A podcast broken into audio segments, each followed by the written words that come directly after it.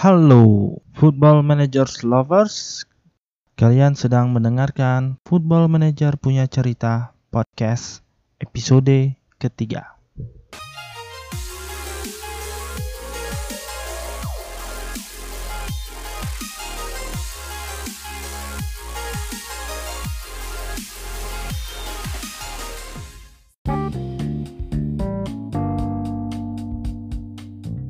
Bagaimana ma- minggu kalian FM lovers? Gua sendiri seperti yang kemarin masih disibukkan dari dunia nyata.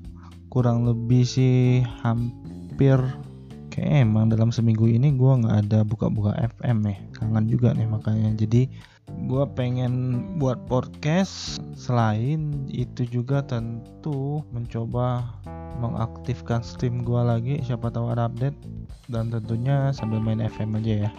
Eh, yang mungkin gua ceritain Football Manager 7 gua ini baru buat new game. Gua lagi pengen gua lagi pengen melatih Parma nih. Tetapi karena gua tipenya main untuk have fun aja, nggak ada target pribadi segala macem. Jadinya gua ya pakai editor. Target gua di Seven ini adalah membuat Parma kalau masalah duit sih oke lah ya Oke, udah diedit dengan di luar kewajaran. Tetapi sih intinya gue pengen menjadikan Parma tempat berkumpulnya para Wonder Kids di FM 2019 jadi ada beberapa pemain yang gue incar kemarin seperti back muda Belanda dari Ajax. Siapa lagi kalau bukan Martis de Ligt pemain asal Belanda. Umurnya masih 18 tahun dia posisinya back tengah tetapi bisa main sebagai DM ini salah satu pemain KPA kurang lebih 170 ke atas. Kalau lihat contoh udah gue dapet cara dapatnya. Tadi penyerang ya Fabio Silva dan Pietro Pellegrini. Jadi kalau misalnya untuk kiprah mereka ya kalian tunggu saja kabar dari gua ya. Oke lanjut. Terima kasih sebelumnya kepada podcast Cafe de Calcio yang sudah mention gua. Thanks. Seperti yang kalian tahu, gua selalu ngikutin juga podcast mereka ini karena gua itu kan mungkin sama seperti anak-anak tahun yang kelahiran tahun 80 90-an kita hidup dan mengenal sepak bola pada saat zamannya Liga Serie A Italia sedang jaya-jayanya. Pertama kali jatuh cinta ke sepak bola adalah sepak bola Italia dan sebenarnya cinta gua ke Serie A itu awalnya ke Parma. Mungkin karena dari seragamnya yang kuning sama biru. Itu mencolok mata enak lihatnya nggak tahu struck aja. Tetapi ada karena juga ada tiga pemain bertahan yang gua nggak tahu kenapa kenapa gua lebih suka lihat pemain bertahan daripada pemain menyerang. Pada awal-awal gua mengenal sepak bola yaitu ada Buffon, Lilian Thuram, dan Fabio Cannavaro. Yang setelah beberapa lama gue juga mengenal keperkasaan Juventus Del Pipo. Makanya gue selain Parma akhirnya gue pindah hati ke Juventus sampai sekarang. Tapi Parma memiliki tempat tersendiri di hati saya ini. Oke lanjut untuk podcast kali ini kita mencoba membahas seperti biasa jawaban kuis setelah ini ya. Terus gue ada beberapa artikel yang pengen gue bicarain. Sebagai contohnya adalah artikel apa yang terjadi dalam 200 tahun ke depan ala FM. Ini ada artikel dari akun youtuber Walk the Space. Nanti kita bicarain. Terus ada cerita dari artikel menarik yaitu 7 kebohongan yang biasa dilakukan oleh para pemain football managers. Ya kebohongan-kebohongan kalian ini ada 7 yang mau dibicarain nanti dengerin ya dan tentunya kita akan membicarakan apa sih yang hangat di komunitas football manager Indonesia di mana tentunya gua ambil berita ini dari Facebook group Football Manager IDFM India Delta Fanta Mama. Jadi kalau kalian belum gabung ke Facebook group ini silahkan search di Facebook kalian Football Manager Indonesia dalam kurung IDFM komunitas football manager terbesar di Indonesia kita masuk ke jawaban kuis ya.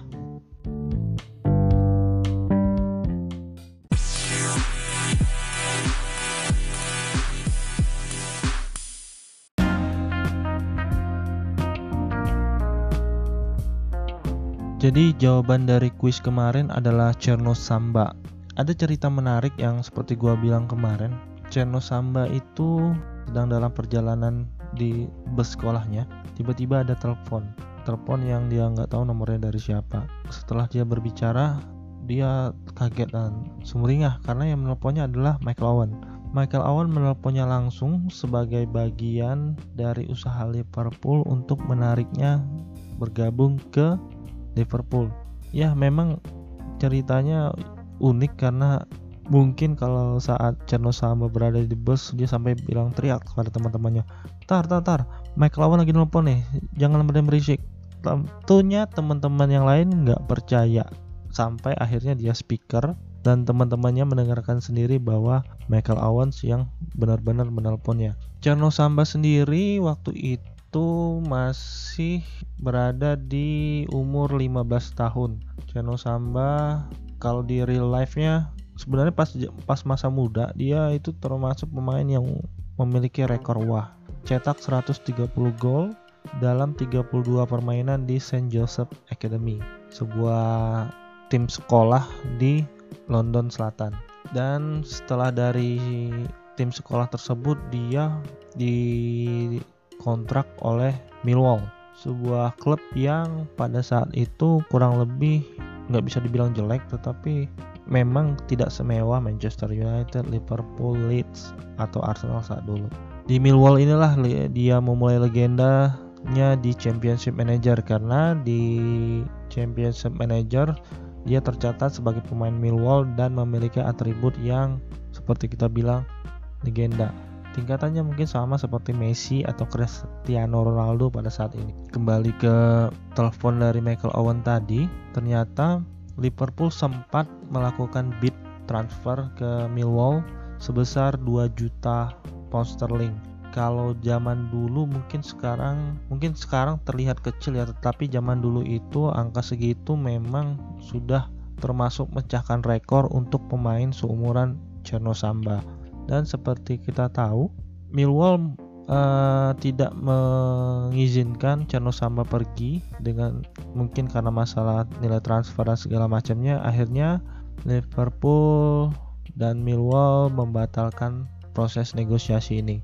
Dan seperti kita tahu akhirnya Samba bermain ke klub-klub yang berpindah-pindah dia bermain ke klub Melagabi, Plymouth Argyle, Wrexham, terus ada klub Finlandia HK dan pemain Norwegia FK Tolsberg. Chano Samba sendiri akhirnya pensiun pada tahun 2015 uh, eh, pernah bermain di timnas di level under 16 sampai under 20 saja sebelum dia pindah ke warga negaraan kelahirannya yaitu Gambia dengan 4 caps. Sekarang Chano Samba ini menjadi pelatih loh. Sudah mendapatkan lisensi kepelatihan di mana saat itu dia sekelas sama legenda Chelsea Frank Lampard. Cita-cita dia menjadi pelatih adalah membawa Gambia lolos ke Piala Dunia. Mungkin dia dari Championship Manager menjadi legenda pemain, tetapi siapa tahu dia juga bisa menjadi legenda di dunia nyata di tim yang akan dilatihnya nanti. Kita lihat saja.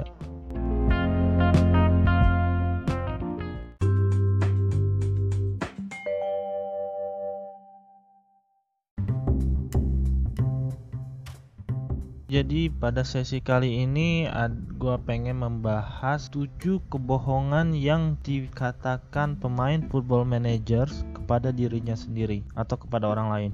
Yang pertama adalah one more match. Jadi kayaknya kita udah yang getol main FM pasti udah sering deh. Udah jam 11 ntar ah satu pertandingan lagi. Udah terus lanjut jam 12 wah udah musim transfer nih ntar deh transfer transfer dulu pemain yang inceran. Sepertinya gayung bersambut nih. Terus sampai transfer window selesai. Eh transfer window selesai masuk bulan Januari sudah mulai cup cup main menang. Lanjut deh sampai jam 1 dan sampai jam 3 jam 4 udah mau subuh. Jadi yang mungkin yang menel yang menghentikan kita bermain football manager hanya azan subuh atau teguran dari orang tua. Ada yang pernah melakukan itu yang kedua adalah gua nggak akan curang deh. Apa itu cheat? Oke okay.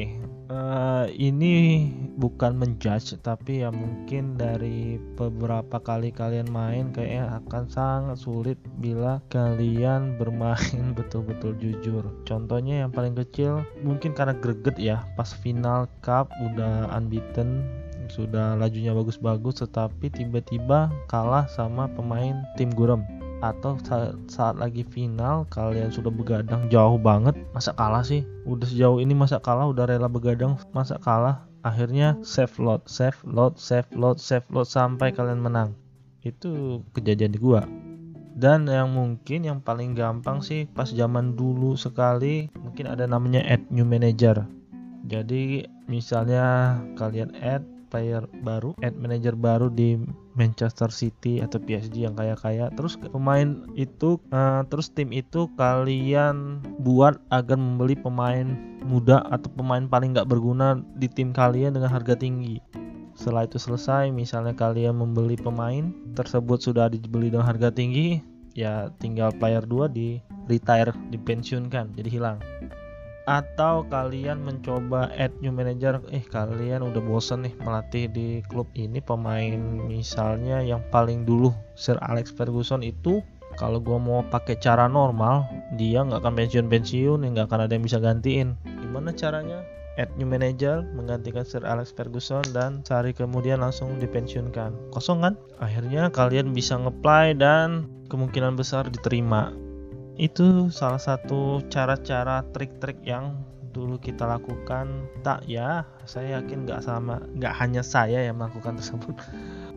Yang kedua adalah eh udah kedua ya. Yang ketiga yang ketiga sih sama sih. Tidak akan save load karena itu saya bisa saya bilang sih cara curang tetapi ya seperti alasan saya tadi. Kenapa sih kita pengen lakukan load save save load save load terus? Alasannya mungkin sama seperti saya. Ini adalah game. Ini bukan sesuatu yang menurut saya ini bukan sesuatu yang harus prestasi harus karena game itu mencari senang. Jadi ya load save cara cheat menjadi beberapa cara singkat agar mendapatkan kesenangan tersebut dari game. Pasti nggak ada yang mau kan? Setelah capek kerja atau capek kuliah pengen main game melepaskan stres malah main FM malah jadi tambah stres? Tentu enggak oke yang keempat mungkin ada cerita wah gue pengen bawa pemain tim divisi paling bawah menjadi juara champions ada yang pernah ngalamin itu? Eh, sangat sedikit sekali. Biasanya sih eh, biasanya sih udah satu musim dua musim kalau kalian mainnya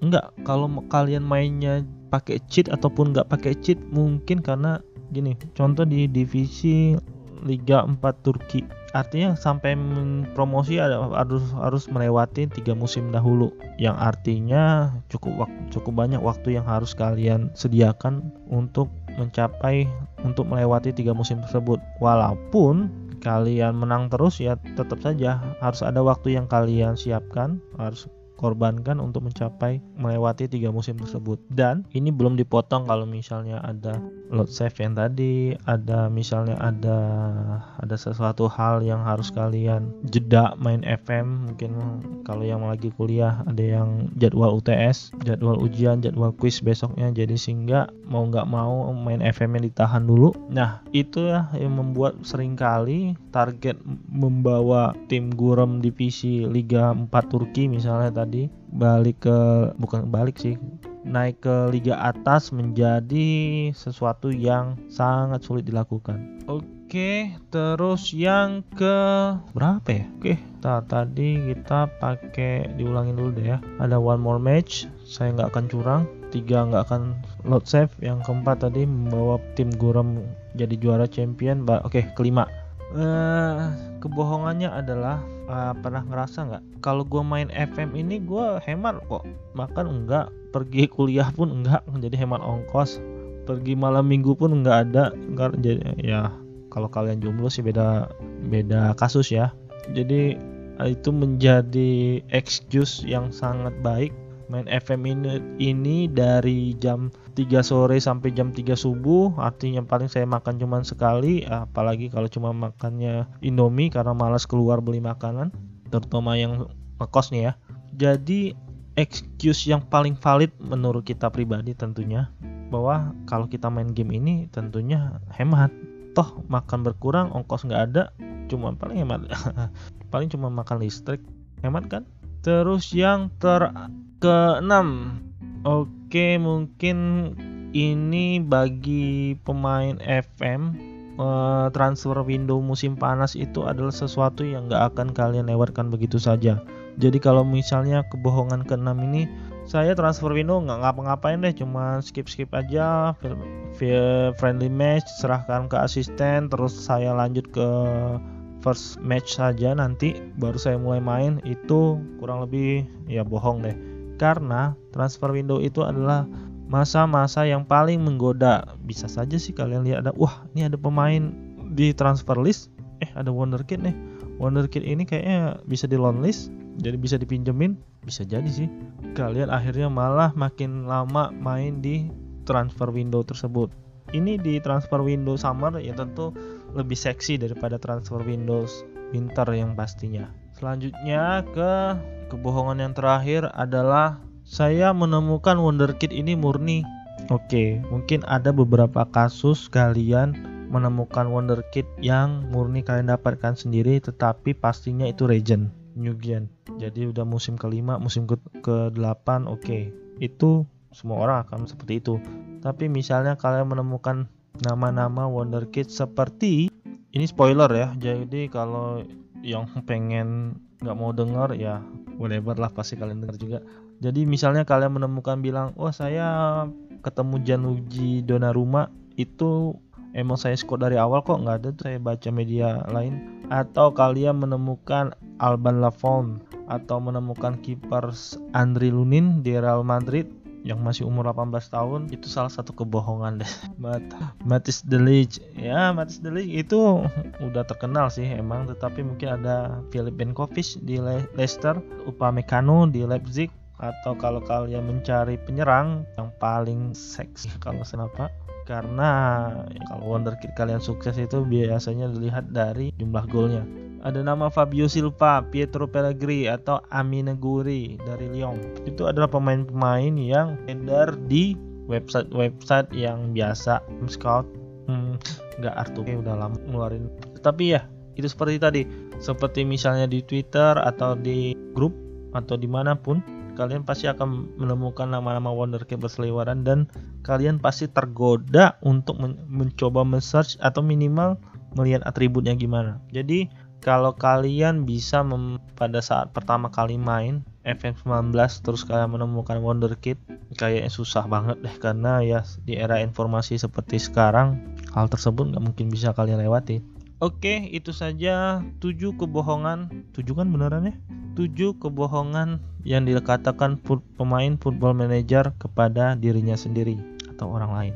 Thanks. Kita lanjut ke sesi selanjutnya.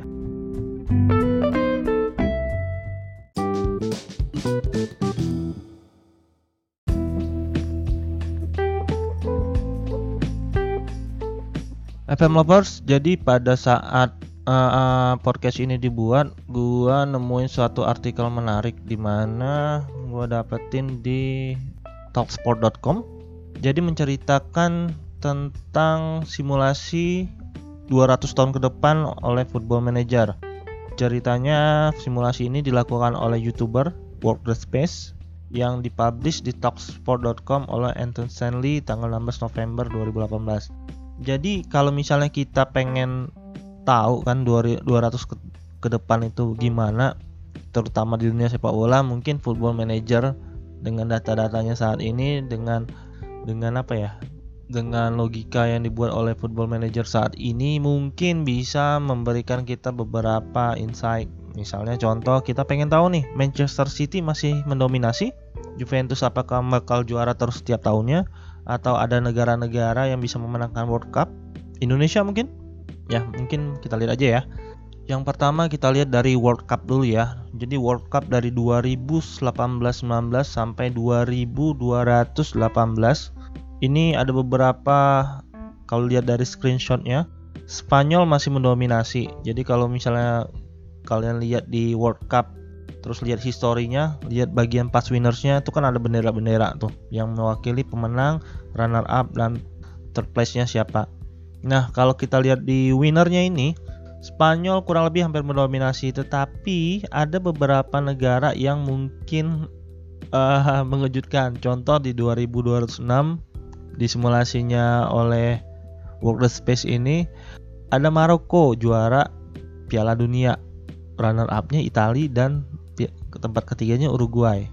Terus ada 2178 ada Scotland, dia runner up Germany, third place-nya Belarus. Jadi mengejutkan ya, seperti Jerman kalah dengan Scotland, ya Maro Italia dikalahkan Maroko pada tahun 2026. Tetapi itu hanya sebagian kecil sih.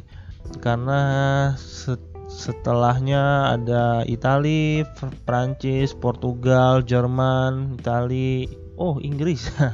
Inggris ada di 2114. Tahun 2114 Inggris juara pertama kali. Lumayan lama juga ya kalau kita harus nunggu hampir 100 tahun biar Inggris juara. Ya mudah-mudahan ya ini hanya simulasi ya. Kita lanjut ke ke Euro. Ya, Piala Dunia memang paling prestis tapi kalau bisa dibilang Eropa Piala Eropa Piala Euro juga memiliki gengsi yang nggak jauh dari Piala Dunia karena seperti kita tahu kekuatan Piala Dunia itu rata-rata selain Amerika Selatan Eropa juga mendominasi. Tapi gini deh pada Eropa kita coba lihat simulasinya apa aja yang bisa dihasilkan. Kita lihat kalau saya lihat trennya ini setelah Piala Dunia eh, Inggris juara 2114 di Euro dia bakal sering muncul deh benderanya sebagai juara Euro dari rentang 2018 sampai 2216. Sebagai contoh setelah 2114 ya memang ada Spanyol, Portugal tetapi selanjutnya 2124 England lumayan mendominasi nih. Ada beberapa negara yang terpencil, pencilan maksud saya. Contoh ada Romania yang mengalahkan Italia. Ini sering dikalahkan tim-tim yang mengejutkan ya. Terus Scotland 2100 nggak jauh beda berarti dengan dia juara Piala Dunia tadi. Mungkin masih satu generasi hitungannya. Terus ada Belarus tahun 2176 Oke, itu untuk Piala Dunia dan Euro. Mungkin kita balik ke liga ya. Jadi kita pengen lihat klub-klub yang yang sekarang berjaya di 2000 yang bakal berjaya di 200 tahun ke depan. Kita pertama ke EPL, English Premier Division.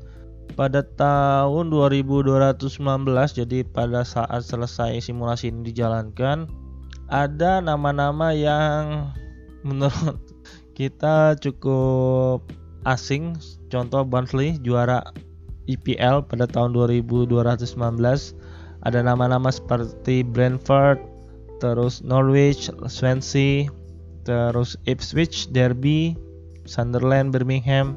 Berarti kalian pengen pasti ingin bertanya di mana klub-klub besar? Ya ada Arsenal. Kalau di sini simulasinya dia juara kedua.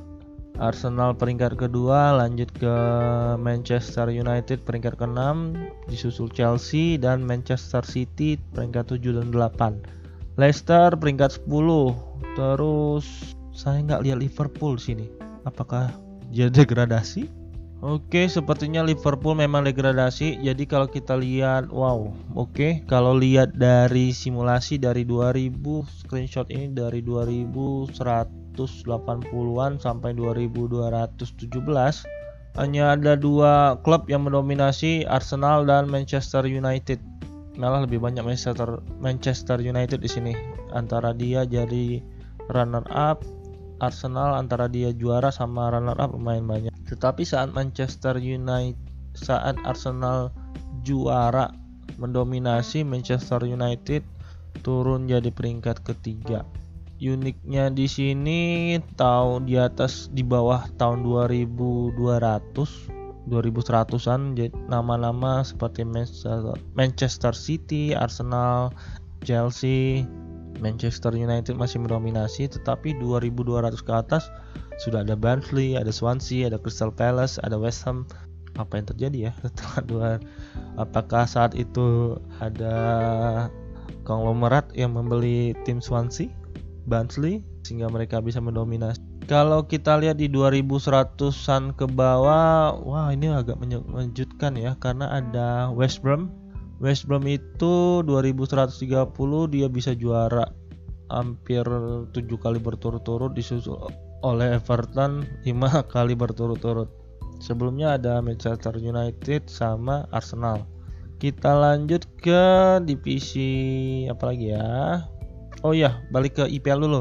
Jadi selama 200 tahun itu rekor-rekornya pemenang paling banyak jadinya selama IPL diselenggarakan pertama kali ada Manchester United 82 kali.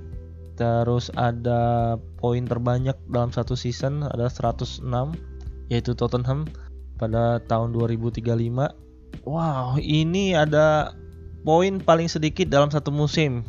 Ada 9 artinya dia dalam satu musim cuma menang tiga kali atau seri 9 kali. Cuma 9 poin loh. Plymouth ada unbeatable unbeatable oh bukan unbeatable ini. Ini sudah most league wins jadi yang menang terus adalah 35 kali.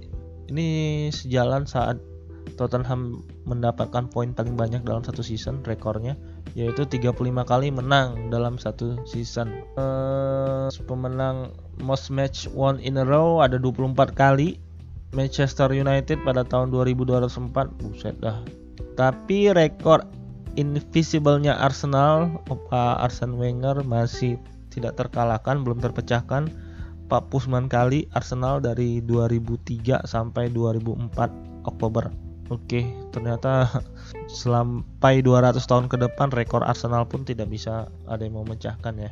Oh, ini ada juga nih uh, most goals by a player in a match. Jadi Dimitar Berbatov yang mencetak 5 gol saat melawan Blackburn tahun 2000 November 2010 sampai 200 tahun ke depan menurut FM ini tidak bisa dipecahkan. Menarik. Kalau ngomongin IPL kita lompat aja dulu ke champion. Champion di 200 tahun ke depan uh, pada tahun 2000 wow 2175 sampai 2206 Jerman mendominasi. Jadi ada Red Bull Leipzig in, ini logo Red Bull Leipzig ini di rentang yang saya sebut tadi cukup banyak di mana ada Leipzig yang paling hanya satu Spartak Moskow juara Champions dan itu juga mengalahkan Red Bull Leipzig pada tahun 2199 Italia wah Italia hanya tembus Inter pada tahun 2023 hanya sebagai runner up dikalahkan oleh Red Bull Leipzig terus agak ke bawah ke bawah uh, Liga Inggris terakhirnya Manchester United 2196 jadi Jerman tampak mendominasi karena selain Red Bull Leipzig ini ada Dortmund ada Schalke Schalke 04 Leipzig lagi Dortmund. Jadi cukup mendominasi sih kedua klub ini di champion saya penasaran apakah ya, Juventus berarti nggak kelihatan ya. Kita lihat ke Liga Italia deh. Liga Italia.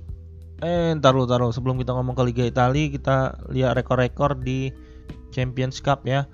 Jadi pemenang selama 200 tahun ke depan, pemenang 200 tahun ke depan tuh artinya dimulai dari rekor saat ini sampai 2200 2219 eh, European Champions Cup pemenang paling banyak dipegang oleh Manchester United 28 kali di mana wah ini rekor gol paling besar 12-2 Feyenoord lawan KR. Most overall goals by a player in a season ternyata tidak bisa dipecahkan masih dipegang oleh Cristiano Ronaldo pada tahun 2013 saat dia masih di Real Madrid sama dengan rekor Lionel Messi yaitu mencetak gol paling banyak dalam satu pertandingan yaitu 5 gol melawan Bayer Bayer Leverkusen Maret 2012. Selebihnya rekor-rekor lain dipecahkan sih, seperti ada asis paling banyak, namanya pun nggak akan kita tahu karena udah region. rekor yang lain yang belum terpecahkan ada jumlah match tanpa kemasukan gol 10 kali oleh Arsenal masih belum dipecahkan tahun 2005 sampai April 2006 selebihnya sih rekor-rekor baru dan saya yakin ini nggak akan kita kenal juga nama-namanya karena sudah legend oh oke okay. pemain pencetak gol paling muda sorry pencetak gol paling tua di European Champions Cup. Coba tebak siapa? Cristiano Ronaldo. Jadi dia mencetak gol 38 tahun 297 hari. Buset dah hampir 39 tahun dan dia masih mencetak gol masih main di Juventus. Luar biasa nih. Oke, kalau tadi kita mungkin Italia ntar dulu, tapi kalau di Champions Cup itu seperti yang saya bilang didominasi oleh uh, tim dari Bundesliga jadi kita pengen tahu kan nih uh, di Bundesliga ini siapa saja yang mendominasi. Dan di screenshot tahun 2200 sampai 2000 dari 2180 sampai 2200 ini tahun yang kita ngomong ya. Hanya aja tiga klub nih sebenarnya yang saya lihat di historinya Bundesliga. Ada Red Bull Leipzig, Schalke sama Dortmund. Jadi tiga ini hanya gantian saja nih. Mendominasi. Mungkin kayak urutan yang contoh misalnya tahun 2011 sampai 2028 Leipzig 4 tahun berturut-turut. Sebelumnya ada berapa nih ya? 9 kali berturut-turut Schalke. Sebelumnya lagi masih Red Bull Leipzig. Oke Dortmund cuman hanya beberapa kali dia juara pertama. Selebihnya dia juara dua dan juara ketiga. So what happened with Red Bull Leipzig sama Schalke ya, Schalke ya. Rekor mungkin rekor di Bundesliga most times. Jadi pemenang Bundesliga terbanyak sampai 2019 dipegang oleh Borussia Dortmund 80 kali. Uh, saya kalau rekor-rekor sepertinya banyak dipecahkan nih, tetapi kita lihat rekor yang tidak belum terpecahkan saja ya. Oke, cuman hanya Oke, kalau dari sisi pemain, contoh pencetak gol paling banyak dalam satu musim masih dipegang Gerd Muller 40 gol tahun 71, 72, 1971, 1972. Terus pencetak gol paling banyak dalam satu pertandingan masih dipegang Dieter Müller 6 gol. Selebihnya ada kalau dari sisi klub hanya udah dipecahkan semua sih secara rekor-rekornya tadi Ya, ini cuma satu. Most league draws in a season. Jadi ada 18 kali draw dalam satu musim masih dipegang oleh FC Köln tahun 1991 sampai 1992.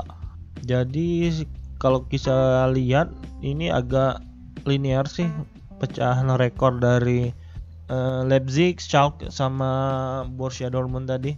Mungkin ada yang bertanya-tanya ya, Bayern Munchen ke mana? Bayern Munchen, buset dah karena sepertinya dia tahun dari oke okay, dia beberapa musim ke depan hanya menjadi klub papan tengah luar biasa kita pindah ke Liga Spanyol Liga Spanyol luar biasanya lagi tahun 2219 sampai 2180-an historinya kalau kita lihat di Liga Spanyol divisi 1 yang mendominasi siapa? Getafe, Getafe dan Barcelona. Real Madrid hampir tidak kelihatan di peringkat pertama sampai peringkat ketiga. Ada sih beberapa kali Real Madrid muncul tetapi yang mendominasi hanya dua klub Barcelona dan Getafe. Oke Barcelona luar biasa tetapi Getafe ini lebih luar biasa lagi karena dia ada beberapa kali juara. 1 2 3 4 5 6 8 kali berjuara Getafe. Wow. Real Madrid hanya mungkin tahun 2100 2130 sampai 2150 namanya masih kelihatan di peringkat 1 2 dan 3 tetapi 2131 sampai 2123 ada namanya ini kayak Depor ya Korunya jadi ini bersaing sama Real Madrid dia gantian saja nih menjadi winner sama runner cup antara Real Madrid dan Corina tadi. Rekor kita lihat rekor udah sampai sekarang rekor yang diciptakan dari sekarang sampai 2219.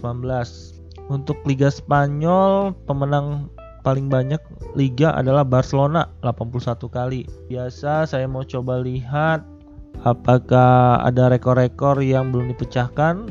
Hanya satu, 50 gol Lionel Messi 2011-2012 masih belum bisa dipecahkan sampai 200 tahun ke depan. Oke, okay. jadi memang alien si kawan ini. Liga Prancis, Liga Prancis hanya dua. Oke, okay, ada sekali-sekali mendominasi, tetapi juara satu hanya di didominasi oleh klub yang berwarna dengan logo berwarna biru bukan Paris Saint-Germain tetapi Marseille. Jadi ada peringkat OM luar biasa dia mendominasi dari 2134 sampai 2107 rata-rata dia 5 7 ini rekor mungkin ada 12 kali dia turut-turut Paris Saint-Germain hanya beberapa kali meng OM ini Marcel ini. Kita lanjut mungkin kalau tetapi secara rekor pemenang paling banyak masih dipegang oleh Paris Saint-Germain 86 kali.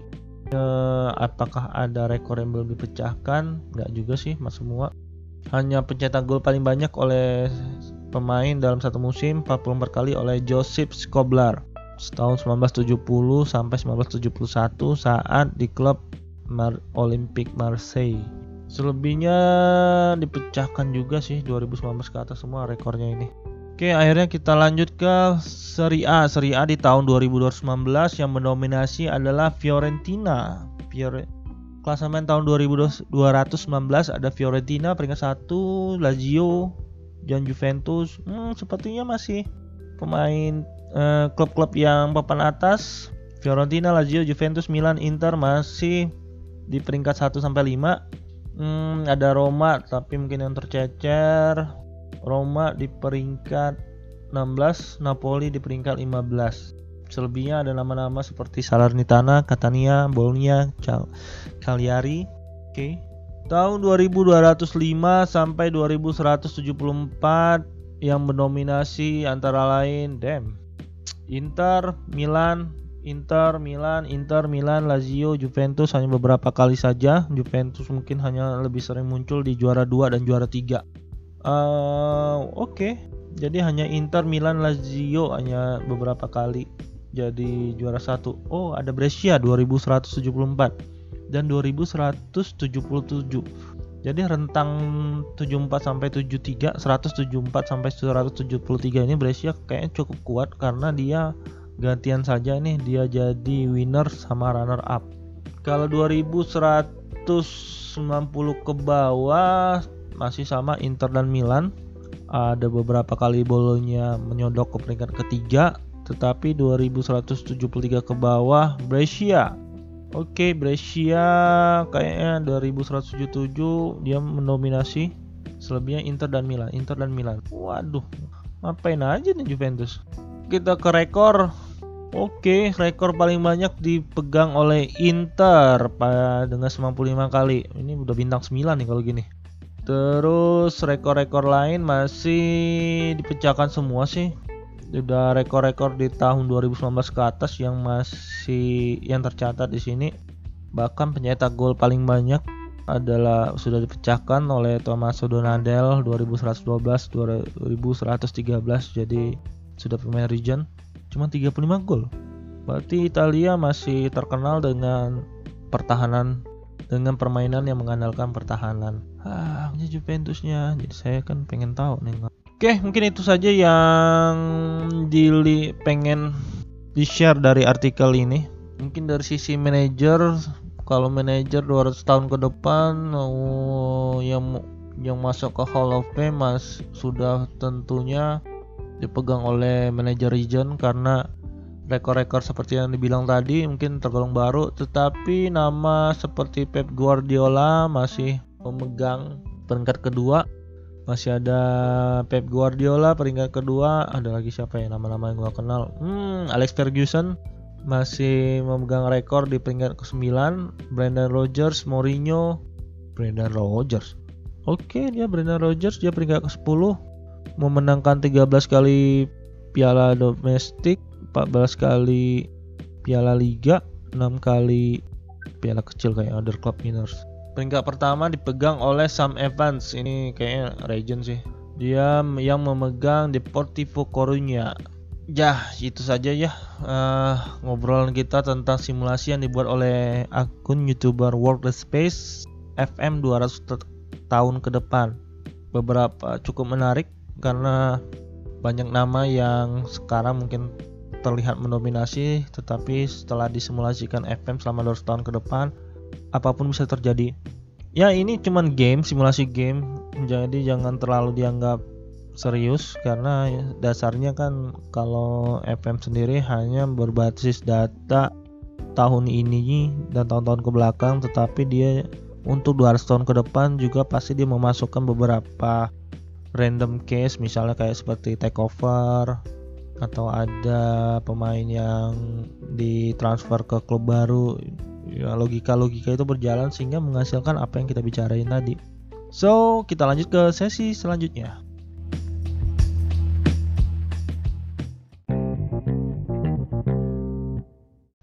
Kita masuk ke sesi komunitas IDFM ya. Jadi dalam rentang seminggu ini kira-kira apa yang hangat-hangatnya ya?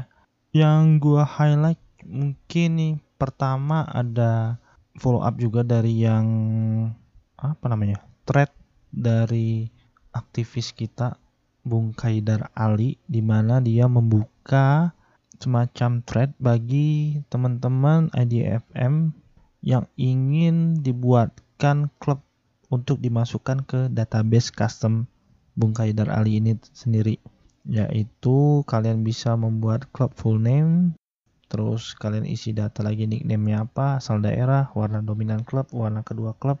Dan yang menariknya mungkin banyak dari teman-teman yang tidak hanya menambahkan keterangan seperti di atas tapi juga memasukkan logo. Ini request ini sudah ditutup sih karena kemarin janjinya hanya dibuka sampai tanggal berapa ya kemarin ya? Mungkin tanggal 18 November. Dan ini telah dijadikan database jadi yang mungkin perlu di kalian perhatikan bahwa Bung Haidar Ali ini telah membuat semacam custom database khusus untuk Indonesia League di mana sudah sampai ke level 5 jadi Liga 1, Liga 2, Liga 3 sampai Liga 5 ada. Kalian mungkin tidak akan mendapatkan liga sedetail itu kalau dari database defaultnya Football Manager. Tapi dengan menggunakan custom database dari Bung Haidar Ali ini sendiri, kalian bisa memainkannya. Jadi seperti misalnya ada yang pengen memainkan klub kotanya seperti dari PSID atau dari klub mana pun yang dari kotanya, dari kabupatennya, kalian akan menemukan klub tersebut di custom database ini. Postingan ini bisa kalian cari, file manage, file custom database ini bisa kalian cari di Facebook group, tetapi ini juga diposting di artupoke.com. Silahkan kalian cek dan di manager virtual blogspot di mana ada juga sih uh, video dari Agan Agan ya kita ngomongnya dari Bung Handi Fernandi uh, foundernya dan owner dari manajer virtual yang juga sudah membuatkan videonya cara untuk menggunakannya kembali ke custom database tadi berarti dengan tentunya dengan kalau kalian ingin menggunakan custom database ini kalian harus new game karena tentu tidak bisa dimainkan di save kalian kalau kalian sudah memulai liga untuk beberapa waktu. Jadi mungkin kalau di highlight uh, custom database ini, ini kalau saya lihat dari komentarnya sih sangat detail sampai ada yang minta agar Bung Haidar Ali ini dimasukkan saja ke PSSI. Sudah ada beberapa perbaikan CA dan PA. CA current ability, PA itu potential ability untuk pemain Liga 1 terus beberapa transfer di Liga 2, update head coach untuk Liga 1 dan Liga 2, terus ada tambahan pemain muda, Witan Sulaiman dan Todd Ferre. Itu kalau kalian di database default nggak akan kalian temukan Witan Sulaiman dan Todd Ferre. Terus ada update jadi transfernya sudah dua kali sama seperti liga di atasnya untuk Liga 4 dan Liga 5. Jadi beberapa pemain U16 juga ditambahkan dan kalau kalian mendownload file ini kalian juga bisa mendapatkan semacam custom dari Indonesia dual nationality. Jadi pemain-pemain asing yang berpotensi masuk ke timnas bisa kalian lihat ada di update uh, second nationality-nya. Terus juga ada pastinya logo klub dan kompetisi yang ada di Indonesia yang dikumpulkan dari oleh Bung Haidar Ali dan juga dari sortitoutsea.com. Jadi kalau kalian pecinta Liga Indonesia dan ingin memainkan dari level 5, ini lower league management banget deh. Kalian bisa menggunakan custom database ini. Terima kasih atas kontribusi dari Bung Haidar Ali. Ini kalau saya bilang sih aktivis FM sih karena sering kali membuat custom database terus buat apa lagi ya? Dia juga berpartisipasi dalam desain uh, kaos IDFM terus apa lagi ya? Kayak logo dia ikutan juga buat deh. Oke itu saja yang kita lihat yang dapat kita bahas dari komunitas football managers. Mungkin tambahan beberapa postingan ya seperti di dunia di dunia nyata bahwa Indonesia tidak lolos AFF sehingga banyak dari para members Football Managers Indonesia yang ikut gatal ingin menyampaikan aspirasinya. Tetapi mungkin perlu diingatkan lagi ini adalah grup game sebenarnya. Jadi mungkin kalau dunia nyata boleh saja tapi kalau bisa yang dihubungkan dengan Football Managers ya dan sesi komunitas IDFM ini juga sekalian menutup podcast episode kali ini. Terima kasih banyak yang sudah mendengarin dan jangan lupa kalau misalnya kalau ada komentar, saran tentang apa saja yang enak dibahas di podcast ini, Football Manager punya cerita, silakan mention.